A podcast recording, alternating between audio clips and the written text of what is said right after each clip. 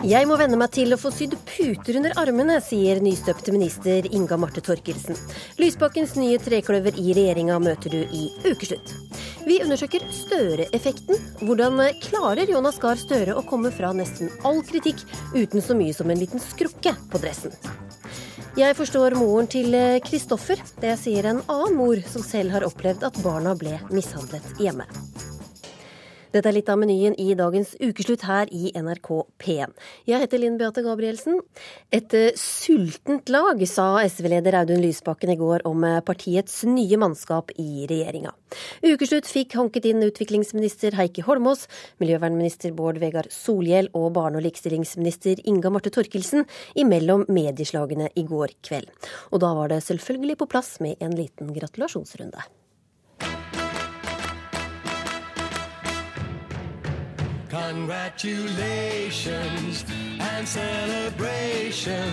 I dag er det først og fremst anledning for å gratulere tre nye statsråder. De gleder seg helt sikkert til krevende oppgaver. Så Det er tre mennesker jeg kjenner godt og gleder meg veldig til å arbeide sammen med i regjering. Jeg mener jo for det første at mennesker som starter i ny jobb, alltid skal få en sjanse til å vise hva de duger, før vi begynner å bedømme dem. For ti år siden så sa jeg til disse jyplingene her at eh, nå må dere ta makta sjøl. I dag gjør de det. Eh, gratulerer, alle tre. Uh, jyplingene tar over makta, sier partikollega Hallgeir eh, Langeland. Hvordan, hvordan føles det? Det tar vi ikke alvorlig. Ja, I hvert fall en, en jypling med grått skjegg i så fall. Men, vi, er, vi, er, vi, er, vi, er, ikke så unge lenger, og vi er faktisk blant de mer erfarne politikerne, vi alle tre. Mm. De to andre her har sittet på Stortinget siden 2001, og jeg har jo har både vært statsråd og parlamentarisk leder. Mm. Um, kommer dere til å rotte dere sammen nå og ta kontroll over regjeringa? Nei, Vi kommer til å samarbeide veldig godt med kollegaene våre. Eh, og det ser vi veldig fram til. Det er masse engasjerte, dyktige statsråder i den regjeringa som eh, deler de grunnleggende verdiene som vi også går inn i regjeringssamarbeidet med. Så dette her gleder vi oss til. Heikki Holmås, eh, du jobbet en periode knallhardt for å bli leder av eh, SV, og det gikk ikke. Føles dette som et slags eh, plaster på såret? Nei, vet du hva? Det å være statsråd det er et utrolig meningsfullt tillitsverv. jeg pleier å si det at det å sitte på Stortinget, men nå det å være statsråd, er antageligvis det mest meningsfulle jeg får muligheten til å gjøre i mitt liv. Tenk da, å få lov å, å bruke hele dagen sin til å slåss for en rettferdig fordeling og, og for å stoppe de farlige klimaendringene. Så det er, jo, det er, jo, derfor jeg er aktiv i SV, og nå får jeg muligheten til å gjøre det som utviklingsminister. Og det, det gleder jeg meg til. Hva tror du er best, da? SV-leder, utviklingsminister? Eh, nei, nå er det Audun, Audun er SV-leder, og jeg er utviklingsminister. Og jeg syns det er helt greit at vi deler det sånn. Inga Marte Torkelsen, da Lysbakken ringte deg for å spørre om du ville ha jobben som barne- og likestillingsminister, hva var det første du sa? Nå var det ikke helt sånn det foregikk, da, men, men eh, Da du ble spurt, hva svarte du da? Da svarte jeg at eh, det har jeg veldig lyst til. Eh, fordi at dette feltet er så betydningsfullt. Det å gi barn en god start i livet, en trygg oppvekst, det får vi så uendelig mye igjen for seinere.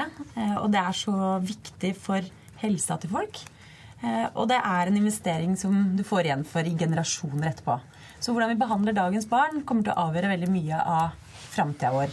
Så I tillegg så er jo dette et departement som har med likestillingsspørsmål å gjøre. Inkludering, like muligheter eh, og med forbrukerstoff.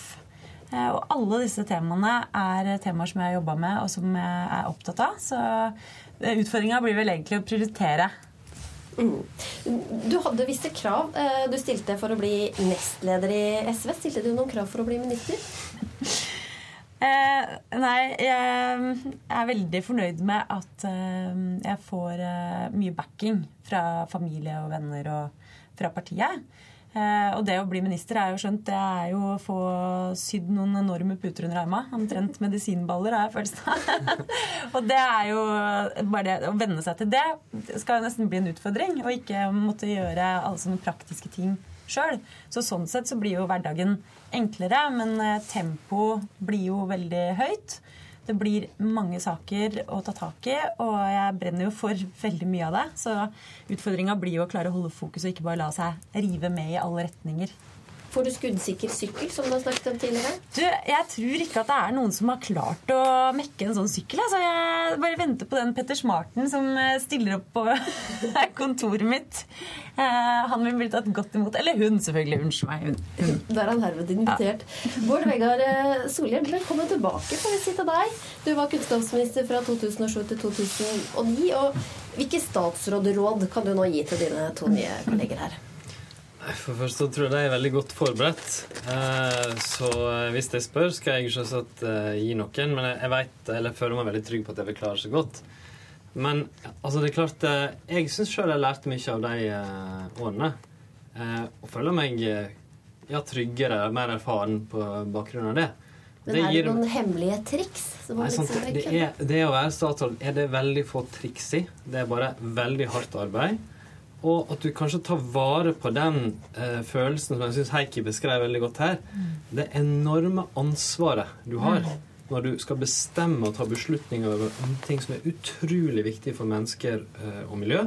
Det, det må man liksom ha med seg hvor stort og viktig ansvar det er. Hvor, og, og, sette seg inn i sakene med den tyngden som det gir, og, og, virke, og behandle folk eh, rundt seg etter det. Det, det er ting jeg har tatt med meg fra deg eh, når jeg var kunnskapsminister. Nå får du jo egen eh, statsrådbil, og da blir det vel slutt på togsnikinga, da? Det er Ja, det den togsni... Altså, jeg, altså, jeg sneik ikke, men jeg, jeg, jeg gikk på feil vogn fordi når billettautomaten ikke virka. Men det du har rett i, er at jeg eh, tar toget hver morgen fra Sonsveien stasjon. Eh, hver vinter mener jeg det er det kaldeste stedet i Norge, der det står og hutrer. Eh, og det tror jeg det har gjort meg veldig opptatt av spørsmålet om kollektivtrafikk her i, i Oslo og Akershus-regionen. I et område med enorm befolkningsvekst, der ja, egentlig nesten halve Norges befolkning hvis du utvider litt bor, så har vi et altfor dårlig utbygd kollektivsystem. Det er superviktig for miljøhensyn, men ikke minst for oss som skal bruke det til daglig. Nå får jeg en, en liten pause fra det, men jeg, jeg bor jo der jeg bor, så jeg skal nok tilbake til toget om ikke Får lenge. jeg lenge. snike inn et ord om Vestfoldbanen her? Eller? det kan trenges. Um, Heikki Holmås, jeg leste på bloggen din at du er en notorisk rollespiller. Og Hvordan skal du da kombinere statsrådjobben med din store lidenskap som rollespiller? Du, det har blitt mindre rollespilling de siste årene. Nå går jeg først og fremst for, eh, for eh, brettspill av typen eh, som bare varer en kveld. eh, Av typen ja, Diplomacy eller Settlers of Catan, som ganske mange eh, kjenner til. Eh, Men, eh, men faktisk så tenker jeg å ta, ta i bruk rollespill. er faktisk en av de viktige måtene å binde mennesker sammen på. Eh, Og jeg vet at i sommer og i august så har nå i hvert fall jeg tenkt Da vet jeg om noen venner av meg som arrangerer Skal ta med på tur. Nei, men jeg tenker at der er det faktisk noen som arrangerer rollespill mellom israelere og palestinere Ja. i, i Ramallah for å føre mennesker mer sammen og gi forståelse for hverandres situasjon. Og det er ingen tvil, tvil om at en haug med konflikter kunne vært, vært motvirket eller vært avverket hvis folk hadde fått bedre forståelse for den andre sin rolle og den andre sin situasjon. Så jeg, eh, jeg skal se om jeg ikke kan få sneket meg med noen meningsfulle rollespill et eller annet sted i verden i, i, i tiden som kommer. Uh, Solhjell, kildesorterer du? Det gjør jeg, ja. Her kommer en liten uh, miljøtest til vår eh, nye miljøvernminister. Og det er lov å spørre en venn. Eh, hvilken type avfall er vått papir? Jeg, jeg, det tar jeg ikke over bordet, Så sier jeg sånn. det. Vil du benytte anledning til å spørre en venn? Eh, jeg holdt på å si nei, for jeg ser dere begge to ser litt nervøse ut for at jeg spør deg. Du vet ikke hva. Du Vet ikke hva? Jeg tror vi, vi, vi, vi har hatt Papir. Vått papir. Jeg tror våtorganisk avfall. Jeg vet da hun. Jeg. Hvis det ikke er tørt papir. Jeg tror det er vått papir og papiravfall. Jeg. Men, men det er det antageligvis ikke, siden du spør, fordi det er lure, lure spørsmål. Og, sånn ja, da er vi på våtorganisk avfall. Mm, det Og våtorganisk avfall det er, noen steder går det som restavfall, og noen steder går det til kompost. Men jeg men, eh, Matavfall er korrekt svar. Okay. Veldig, veldig bra. Det er godt å ha gode Altså, jeg resonnerer. Sjefen deres i SV, Audun Lysbakken, han eh, hadde det så travelt som statsråd at han knapt rakk å gi navn til eh, sin, eh, sitt nye barn. Er dere klare for dette nå? Ja. ja. Ingen betenkeligheter? Solli. Nei, jeg kjenner meg òg veldig klar for det. Men jeg veit at det kan være en prøvelse for familien min. Jeg har sjøl tre små barn, og det å sette veldige grenser og, og bare liksom f.eks. du skal hjem mange nok kvelder i uka til vanlig tid. Eh, Å være tøff med seg sjøl og andre på det, det er viktig. Denne uka starta rettssaken mot mora til Kristoffer Gjerstad Kile, som ble mishandlet til døde av sin stefar. Mora er nå tiltalt for passiv medvirkning til sønnens død. En annen mor som selv har måttet rømme fra en mann som mishandlet henne og barna fysisk og psykisk, sier at hun kan forstå moren til Kristoffer. Du vil være anonym, men eh, hvordan kan du si at du forstår dette? Jeg kan si det fordi at jeg har levd i et voldelig forhold selv. Og jeg vet at når dager består av det å være redd, og det å ikke skjønne hva som skjer, for det gjør du ikke, men du tenker at du må prøve å holde en styring som du egentlig ikke klarer, og du er manipulert til å tro over tid at ikke du betyr noe, at ikke du er noe, at det er han som er drivkrafta i familien, det er han som forstår. Uten hans hjelp så hadde du ikke vært noen ting. Og når du har blitt mata med dette over år, så tenker jeg at eh, da kan noen og enhver komme i en situasjon som, som hun, kan, hun har kommet i. Hva var det din mann gjorde med dine barn? Det gikk veldig mye på den psykiske volda, at de ikke kunne noe, at ikke de var til noe, at de bare gjorde feil, at ikke de forsto ting, at ikke de spiste pent. Og igjen da den eldste som fikk gjennomgå i forhold til at hun hadde trådd litt feil på et gulv som han hadde pussa på, og der blei det et skomerke. Og da hadde ungene lagt seg om kvelden da han observerte det, og fløy opp og ropte på de og fikk de ned og lurte på hvem det var, og kom med skoen og viste seg at det var den, det eldste barnet mitt. Og da røska han fatt i henne fika til henne og tok og rista henne. Men da tok jeg tak imellom, men det er klart jeg gjorde jo ikke nok, for jeg fikk stoppa det. Men Men jeg skulle gjort så mye mer. Fort, fortalte du dette her til, til noen? Nei, jeg skjøv menneskene som jeg hadde hatt som venner, og familie og de fleste unna meg. For det at jeg tenkte at dette kan ikke stemme, det er ikke mulig. For jeg har òg vært av de som har sagt at det, skulle noen være stygge med meg, så hadde jeg gått. Hvorfor tror du at det, det, ble annerledes når du plutselig sto midt oppi det? Jeg hadde da to barn og var skilt og traff en veldig hyggelig og snill mann. Og etter en god stund så ble jeg gravid. Og tenker at uh, han viste seg fra sin beste side. Han. Jeg kunne ikke bedre ha det og bedre få det, og det så omgivelsene mine òg. Men etter hvert så tok det vonde styringa, og da tenker du at uh, det, her, det gode må være det essensielle i mennesket. Det vonde må være noe som gjør at han blir sånn, og det må vi få vekk. Så du prøver å hjelpe, du prøver å tilrettelegge, du prøver alle ting for at ikke dette skal gå gærent og du havner aleine igjen. For det ønsker en jo ikke. Ja, Hva gjorde du f.eks. sånn i hverdagen? Nei, du vet at en prøver å tilrettelegge alle ting, for alt blir feil. Du smører maten feil, du dekker på bordet feil. Så det blir i det at du forsøker å tilrettelegge dagen sånn at han skal bli mer tilfreds. Og det er klart, da har du kommet langt i et feil spor. Men hva skjedde da hvis, eh, hvis du hadde dekket på frokosten feil? Nei, da kom tallerken mellom mellom, mellom eh, rommet, da. Eller jeg kunne få meg en ørefik, eller Ja. Jeg gikk på sånne ting. Og du, du, du måtte jo sjøl på, på legevakta flere, flere ganger. Ja. Skjønte ikke de hva du var eh, utsatt for? Hmm, de spurte meg aldri. Jeg var på legevakta to ganger på et halvt år, jeg med knekt halebein. Og de spurte meg ikke hvordan jeg hadde Eller de sa 'Åssen har du klart det?' Nei, dette i trappa. Og når du kom med, med barna dine, når det var de som var skadet? Nei, det er Det er udelikat å spørre om det der, fordi at det skaper problemer for de, for de må gjøre noe. Og det er det ikke rom eller tid for, eller hva skal vi gjøre? Det blir mye problemer ut av å ta tak i en sånn bit. Men vurderte du noensinne å, å, å faktisk si det til dem? Hvis jeg hadde Nei, ikke der og da. Det gjorde jeg ikke. For det var jeg for redd til.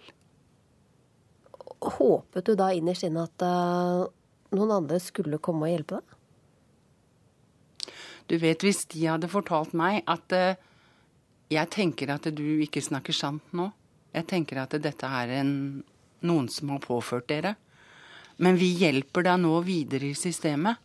At du kan komme på krisesenter, at eh, du kan bli tatt hånd om. Ja, da tror jeg jeg hadde blitt fryktelig glad. Hva er grunnen til at du aldri anmeldte han? Jeg gjorde det et par ganger. Og det det resulterte i, det var at eh, han blei tatt inn til avhør. Og da fikk han jo rede på hvem som hadde levert inn den anmeldelsen. Og da gikk det et vindu hos meg, eller han sto på utsida av døra når ungene skulle gå på skolen om morgenen, og så tvang han meg til å gå bort til politiet og trekke tilbake anmeldelsen. Og da sto han på utsida av politikammeret til jeg kom ut igjen og hadde det papiret. Men var det ingen rundt dere som skjønte hvordan dere hadde det? Jo, etter hvert så var det det. For når unger lever under sånne forhold, så går det nedover på skole, det går nedover i det sosiale liv. Og skolen ga øh, sa fra til barnevernet, og sånn kom de inn i bildet. Du klarte altså til slutt å komme deg vekk fra Ja. ham. Mm. Hvordan, hvordan klarte du det? Da hadde jeg nøkler til et tomt hus. Og da hadde jeg jo hatt mange innleggelser, krisesenter og diverse greier, og prøvd å rømme veldig mange ganger. Og da kom han på uanmeldt besøk og tvang seg til å være. Og så skulle vi ut og handle, og jeg kjørte bilen og fikk lov til det, merkelig nok. Så hadde jeg sønnen min i baksetet, og eksmannen min satt i fortsetet med noen bæreposer. Det var veldig trangt der vi skulle parkere utafor vårt hus. Så jeg sier at du får gå ut med varene, så skal jeg parkere. Og når han smatt ut med varene, så klarte jeg å få kjørt av gårde med bildøra åpent og komme meg av gårde. Parkerte bilen langt vekk og sprang til det huset som var tomt. Og der parkerte barrikerte vi oss i noen dager. Til slutt så var det noe eh, i familien min som skjønte at noe var forferdelig feil, så hun kom og henta meg. Hvordan fikk du motet til til å gjøre det?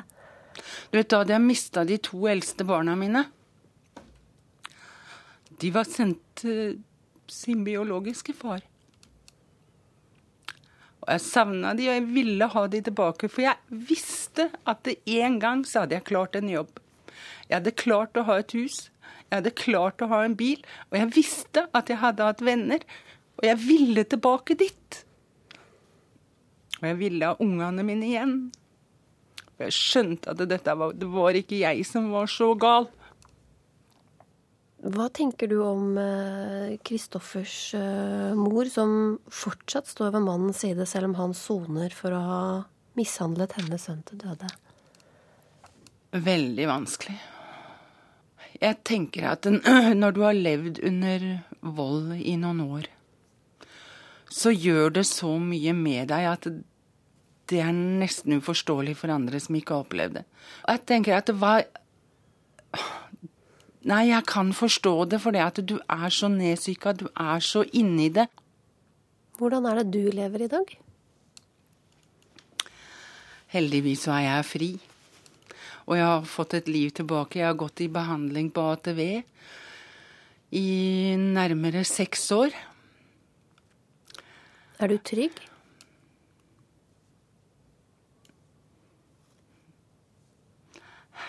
Nei, jeg er vel ikke helt det. Jeg har hund, så jeg beveger meg veldig lite ute, ute uten hund. Nå er det mange år siden jeg levde i dette, men fortsatt så har jeg telefoner, jeg får skåret i stykker dekka på bilen min, markisa blir ødelagt, sånne uforklarlige ting. Vindusruta på bilen min kan gå. Det har han gjort opptil flere ganger. Dekk har blitt skåret i stykker flere ganger. Så jeg vet jo at han er rundt her. Sa barna dine noe om, om dette? Jeg var i den situasjonen at jeg, jeg så at galskapen var der. Så om kvelden når jeg la de, så prøvde jeg å få de til å fortelle hva som hadde skjedd, og så prøvde jeg å støtte de på det som var gærent, sånn at de skulle se at jeg prøvde å være til for dem. Det var sinnssykt vondt.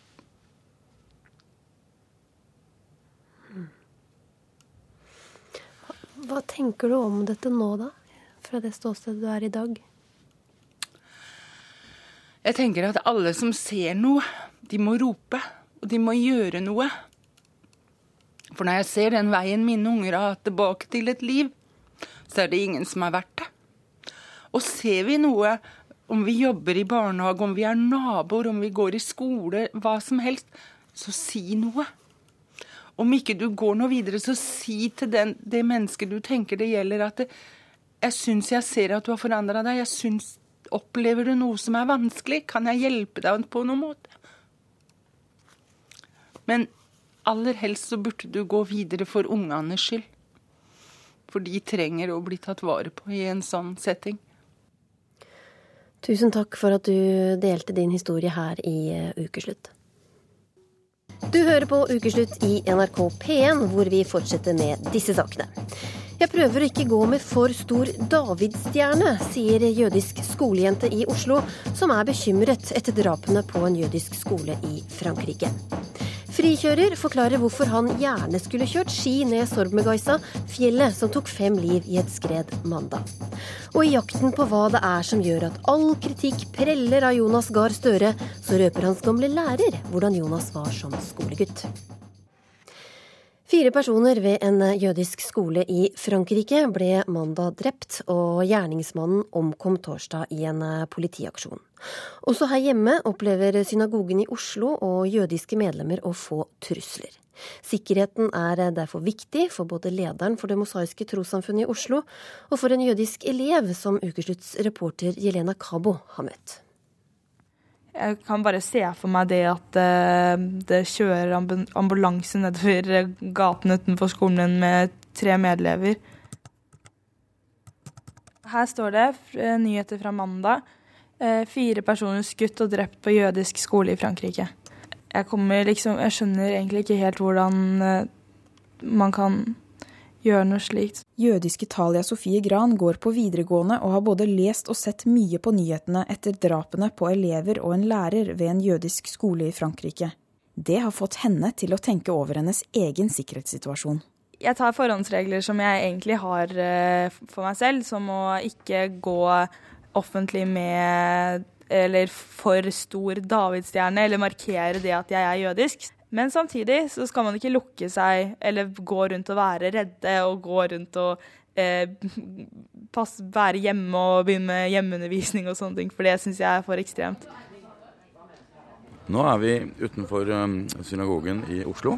Og ved siden av her så har vi Samfunnshuset, og her har vi aldersboligen. Sikkerheten til jødiske medlemmer er viktig for Ervin Kohn, leder av Det mosaiske trossamfunn. Allikevel skulle han gjerne sluppet å bruke drøyt halvparten av de totale medlemsinntektene på nettopp sikkerhet. Foran de tre bygningene så har vi altså uh, to meter uh, ut i gaten sånne mur, murblokker. Uh, og det er for å hindre at noen kjører inn og ja, bilbomber og ja. Vær så god, gå rundt meg nå. Og så går du inn i slusen. Og da går vi inn igjen med den andre ståldøren. Da går vi opp en trapp. Ikke sant? Det er ikke sånn at vi går rundt i frykt og angst og ikke tør å bevege oss ute på gaten. Det er jo ikke sånn. Men uh, det er ingen tvil om at vi heller ikke uh, skal være naive. Og når sånne ting skjer, som det fryktelige i, uh, i, Frankrike, så er vi da engstelige for at dette kommer til å gi da gærninger i Norge ideer. Kohn tar frem et trusselbrev for å vise hva han mener med gærninger. Det er et brev eh, skrevet eh, på maskin med store bokstaver, og øverst er det brevet prydet med et eh, hakekors. Og der står det at du, også navnet på vedkommende, har klart å bli 50 år med så mange fiender, synes jeg er forkastelig. Jeg syns du er en skam for menneskeheten, og synd at du skal leve en dag til. Men prikk, prikk, prikk. Selv om Talia ikke er redd, har skytingen i Frankrike gitt henne noe å tenke på. Sånn som jeg går på en skole der hvor det er jeg og én jødisk til, og det og samtidig, man kan si at man føler seg trygg, fordi man, ikke, man vet at folk vet ikke at du går der, og du blir litt sånn sivil. Men uh, samtidig så er det litt trist å tenke på at ja, nå må jeg passe på litt og trenger ikke vise for hele verden da, at jeg er jødisk. Det er som en liten tankevekker, en veldig trist tankevekker og en veldig negativ tankevekker, men kanskje nødvendig også. Denne uka mistet eh, fem sveitsiske skiløpere livet i et stort skred i fjellet Sorb-Megaisa i Troms. De var på en topptur da skredet ble utløst. En som eh, lever av frikjøring, det er deg, Asbjørn eh, Eggebø Næss. Og du er ikke fremmed for å kjøre ned Sorb-Megaisa på ski. Hvorfor i all verden kunne du tenke deg det? Um, jeg har sett bilder av dette fjellet her, og uh, sånn i første omgang vil jeg si at uh, det er jo gjerne slike fjell som som tiltrekker seg eh, min oppmerksomhet, da, og med flere med meg, da. Jeg ser at det er en fin, en fin nedkjørsel, men, men altså, det, det, fjellet har en del farmomenter. Så, så dette, altså det du spør om, er jo at, eh, at, jo, jeg kan godt tenke meg å kjøre ned eh, dette fjellet, men jeg vil ta jeg vil ta veldig store forhåndsregler før jeg gjør det, rett og slett. Hva tenker du om den ulykken som, eh, som skjedde på mandag? Altså, den er litt uforståelig. Vi klør oss rett og slett litt i hodet. Eh, og vi lurer veldig på hva som har skjedd. Men foreløpig så foreligger det jo ingen eh, rapporter, så vi er veldig spent på å lese hva som har vært, hvordan har folk tenkt når de har gjort dette her. Det her er jo en forferdelig tragedie, men vi må prøve å lære noe av dette her, da. Men hvordan kan du vite at, eh, at du ikke vil utløse et, et, ras når du fyker ned fjellsida? Eh, eh, hvis jeg skal sette meg sjøl inn i en situasjon eh, som hadde vært eh, mest antagelig, vi, antagelig, at vi skulle kjørt ned på ski i det fjellet der, så ville det vært gjerne under en filminnspilling. og da da, vi, da, venter vi. Vi venter gjerne to, tre, fire eller fem uker, kanskje enda lenger, eller gjerne en hel sesong. Så venter vi på at et fjell skal eh, bli klart for å bli kjørt på ski.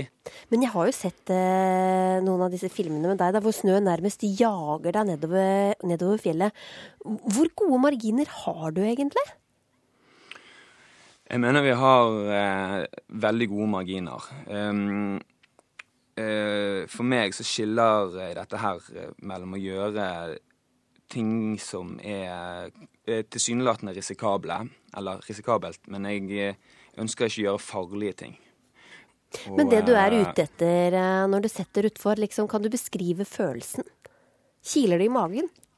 Ja, det kiler veldig i magen. Og Eh, det, er, eh, det å kjøre på ski, ski ned eh, fjellsider, det er virkelig det, det, kjekkeste jeg vet, altså. Du har selv også opplevd et skred, og hvordan skjedde det? Ja, jeg har blitt tatt i, tatt, blitt tatt i skred. Og det er liksom ikke noe man er videre stolt av, at man, at man, har, at man har, blitt tatt i, i skred korte trekk, så det som, det som, skjedde der, er at eh, man er rett og slett ukonsentrert. Eh, dette var i Bulgaria sammen med en god venn av meg fra, fra Askøy til Bergen. Vi skulle ned og ta lunsj. Uh, og vi dropper inn i Vi sier dropper inn, da, men vi kjører inn i en sånn sydvendt helling, da. Og så når da, jeg kom inn der og belastet det området, da, så ble jeg tatt av snømassene. Og eh, jeg blir tatt med kanskje en 20-30 meter, og så blir jeg slengt inn i et, eh, en stor furu som stopper meg. Og snøen fortsetter over hodet, og det blir helt svart rundt meg i og med at eh, det blir, det blir mørkt av snømassene. Og begge skiene mine blir slengt av, og ene skien min knekker, og jeg ødelegger et kne. Men jeg, men jeg, kan børste av meg snøen, og, og jeg liker like hel utenom det kneet. da. Så, så, du eh, krabber deg ut av det selv, på en måte? Jeg krabber ut av det sjøl, ja. Helt mm. riktig. Men hva hvis ikke det treet hadde vært der?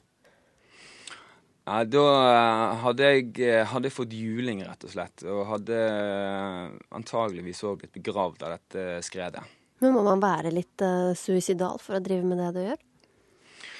Nei, man må ikke være suicidal i det hele tatt. Jeg er ikke suicidal, og ingen av eh, mine venner eh, som jeg kjører mye på ski med, er suicidale. Vi, eh, vi like Det er forferdelig viktig for meg at jeg kommer meg hjem hver, hver dag fra fjellet. Og jeg har familie og sånt, så mennesker som bryr seg om meg. Så det er veldig viktig for meg at, at jeg kommer meg hjem hver dag. Tør du mer nå enn før? Nei, jeg tror jeg, eh, jeg tror jeg var tøffere i trynet før, rett og slett. Eh, Når jeg var litt yngre, da gjorde jeg mer dristigere ting. eh, Og, men det var rett og slett en sånn periode der man var bare ville utforske veldig mye, da. Så jeg har, jeg har gjort en del Eller jeg har gjort en del ting på ski som jeg, jeg føler at jeg er litt ferdig med å gjøre. Så jeg Noe du føler at, angrer på, eller? Nei, det er ingenting jeg angrer på. Eh, Jeg har sverget eh, noen fjell at her skal jeg aldri tilbake igjen. Men så plutselig så står jeg der eh, ett år, et år seinere og er på vei opp på samme sted, da, for moro skyld. Du presser deg litt. Ja, man, ja, man må det. Jeg føler Eller man må ikke, men jeg har lyst til å eh, Jeg har eh, lyst til å utvikle meg som skiløper, da. Og eh, da må man eh, Da må man nok eh, gå til komfortgrensen sin og kanskje et lite knepp videre en gang iblant. Men jeg har kanskje 110 dager på ski i året, og det er gjerne fem dager i året man presser komfortgrensen sin. Men da ligger det til rette for det. Takk for at du var med i Ukeslutt, Asbjørn Eggebø Næss. Etter at Jens Stoltenberg inntok statsministerkontoret i 2005, har mange statsråder kommet og gått. Men utenriksminister Jonas Gahr Støre ser ut til å overleve både forsnakkelser, mediestorm og anklager om kameraderi, som han måtte svare på denne uka. Og ikke nok med at Støre overlever, han er ifølge undersøkelser den mest populære av ministrene, statsministeren inkludert. Ukesluttsreporter Dario Kverme Birhane prøver å finne ut hvordan dette kan ha seg. We who are diplomats, we are trained to deal with conflicts between states and issues between states, and I can tell you our agenda is full. Når en minister må be om å bli omtalt mindre positivt i mediene, bør en kanskje stoppe opp og se på hva i all verden det som har skjedd. Jeg snakker selvfølgelig om utenriksminister Jonas Gahr Støre, som i fjor ba mediene tynt om å slippe kallenavnet Super-Jonas. Jonas Gahr Støre løper gjennom gatene. Han må finne en telefonboks for å skifte til sitt alias International Conflict Repairman. Om satireprogrammet Hallo i uken vil respektere Støres ønske, er heller uvisst. Se, er det et fly? Det er The International Conflict Repairman! Men Støre har i hvert fall fått sin dose negativ omtale i media denne uka. Utenriksminister Jonas Gahr Støre står fast ved at han ikke gjorde feil da UD gav pengestøtte til et spesielt forskningsprosjekt. Ja, departementet ga 6 millioner kroner i støtte til en stiftelse der styre, styrelederen er en nær bekjent av utenriksministeren. Jeg har ikke hatt eh, møter eller planlegging med han om dette senteret. Eh, Utenriksdepartementet har forholdt seg til Norges Rederiforbund. Saken skapte riktignok ikke så mye mer enn halvannet døgn med mediestorm før vinden løya betraktelig. I hvert fall inntil videre. Og sånn har det vært før òg. Kritikken mot utenriksministeren kleber liksom ikke skikkelig. Hver gang neste meningsmåling dukker opp, er han allikevel Norges mest populære statsråd. Sjefen sjøl, Jens Stoltenberg, må òg se seg slått. Søren superminister. Står Støre fjellstøtt fordi han simpelthen ikke begår alvorlige nok feil? Eller sitter han på en formel som avgåtte og utskjelte politikere skulle ha gitt både høyre arm, venstre arm og politisk ryggrad for å få tilgang til? De sakene som har, blitt, eh, har kommet opp, eh, hvor han har blitt kritisert, har han også håndtert godt, også denne gangen. Eirik Bergesen bør vite hva han snakker om. Han er noe så sjelden som satiriker og byråkrat. Nå i permisjon fra Utenriksdepartementet etter ti års tjeneste som kommunikasjonsmedarbeider. Støreren er nok litt old school eh, i forhold til at han har en veldig høytidelig og kanskje noe litt offisiøs måte å snakke på, men, eh, men eh, det har jo, har jo tjent han godt. Det skal handle om sjekketriks, og igjen har jeg fått besøk av deg, eh, sjekkeekspert Kevin Clausen. Og i dag skal du få prøve deg på ingen ringere enn Senterpartileder Liv Signe Navarsete.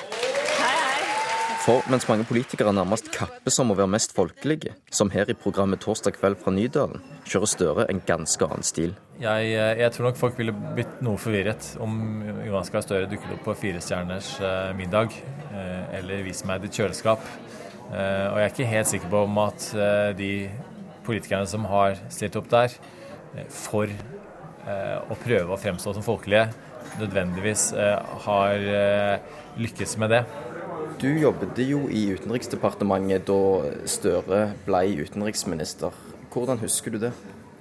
Det var en, noe vekkelsesstemning eh, på det allmøtet da, da han presenterte eh, sine ideer. Og det var ikke minst eh, det store engasjementet for utenrikspolitikk tror jeg som, eh, som mange merket seg.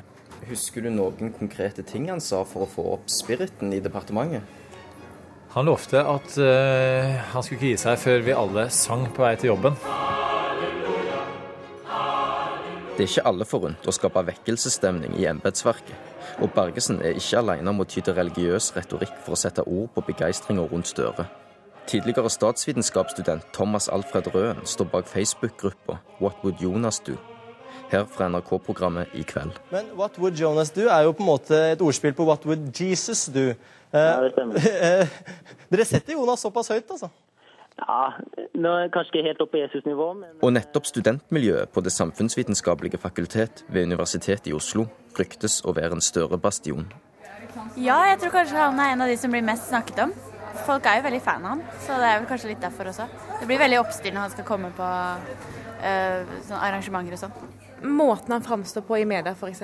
At han virker trygg på det han sier og på den politikken han driver. Og derfor også jeg, som ikke har så mye kunnskap, tiltro til den politikken han driver. Hva må til for at du eventuelt skulle ha mista den tilliten du åpenbart har til Støre? Jeg tror jeg har såpass stor tillit til han at det skulle vært en ganske stor skandale. Større enn den som raser nå? Ja, jeg tror det. Det er klart at alle politikere gjør feil. Og av den grunn driver Støre et høyt spill med sitt bortimot perfekte image, mener Bergesen. Fallhøyden blir desto større. Som medierådgiver så husker jeg jeg tenkte da han eh, for noen år tilbake var avbildet i A-magasinet på forsiden mens han strammet en skipsknute og så seg selv i speilet, at jeg vil nok fraråde et sånt bilde. For selv om det i journalistkretser mumles om at det er en fare for å bli ikke starstruck, men størstruck i intervjuer med utenriksministeren, er det òg journalister som inderlig ønsker å smusse til Støres rykte. I hvert fall litt. Jo flere politikere man har som innrømmer feil og mangler, jo eh, vanskeligere blir det for de som da velger en eh, mindre unnskyldende retorisk skole. Men enkelt blir det ikke for journalister som ønsker å sette Støre fast. Bergesen har sjøl prøvd å stille kritiske spørsmål til utenriksministeren. Men der eh, parerte Støre raskt og effektivt. Brukte jeg et ord feil i et sitat fra han, så, så angrep han eh, elegant premissene i spørsmålet. Hvorfor vurderte du ikke habiliteten eh, din selv? Ja, Fremstillingen din programleder er feil. Eh, Det som er Støre burde altså være mer enn godt nok rusta til å håndtere kritiske spørsmål av typen som han mottok i Dagsnytt 18 denne uka. Vi søker UD om penger. UD Det er, det er vel, Unnskyld med all respekt, utenriksminister, men det er vel slik at Likevel tikka følgende e-post fra en engasjert lytter inn til redaksjonen under sending. Nå bør programleder i Dagsnytt 18 forlate sin jobb. Er det mulig å være så sur, usaklig og vemmelig mot vår utenriksminister? Etterfulgt av tre spørsmålstegn. Og da er vi kanskje tilbake til den tilsynelatende opphøyde og urokkelige posisjonen Støre har fått hos store deler av det norske folk. Han er jo hjemvendt fra prestisjetunge studier og stillinger i utlandet. Hvem er da journalister eller andre politikere til å plage han med all slags banaliteter? Er det misunnelse? I wish I was special.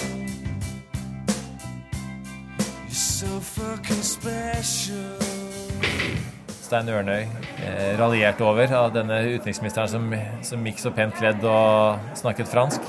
Jo litt for slitt, men er det snakk om jantelov? Muligens. Eh, samtidig så tror jeg nok at, at nordmenn også er eh, stolte når, eh, når utenriksministeren gjør en god figur eh, i utlandet. Selve ministerposten må òg få sin del av æren for populariteten til Støre, om en skal tro Bergesen.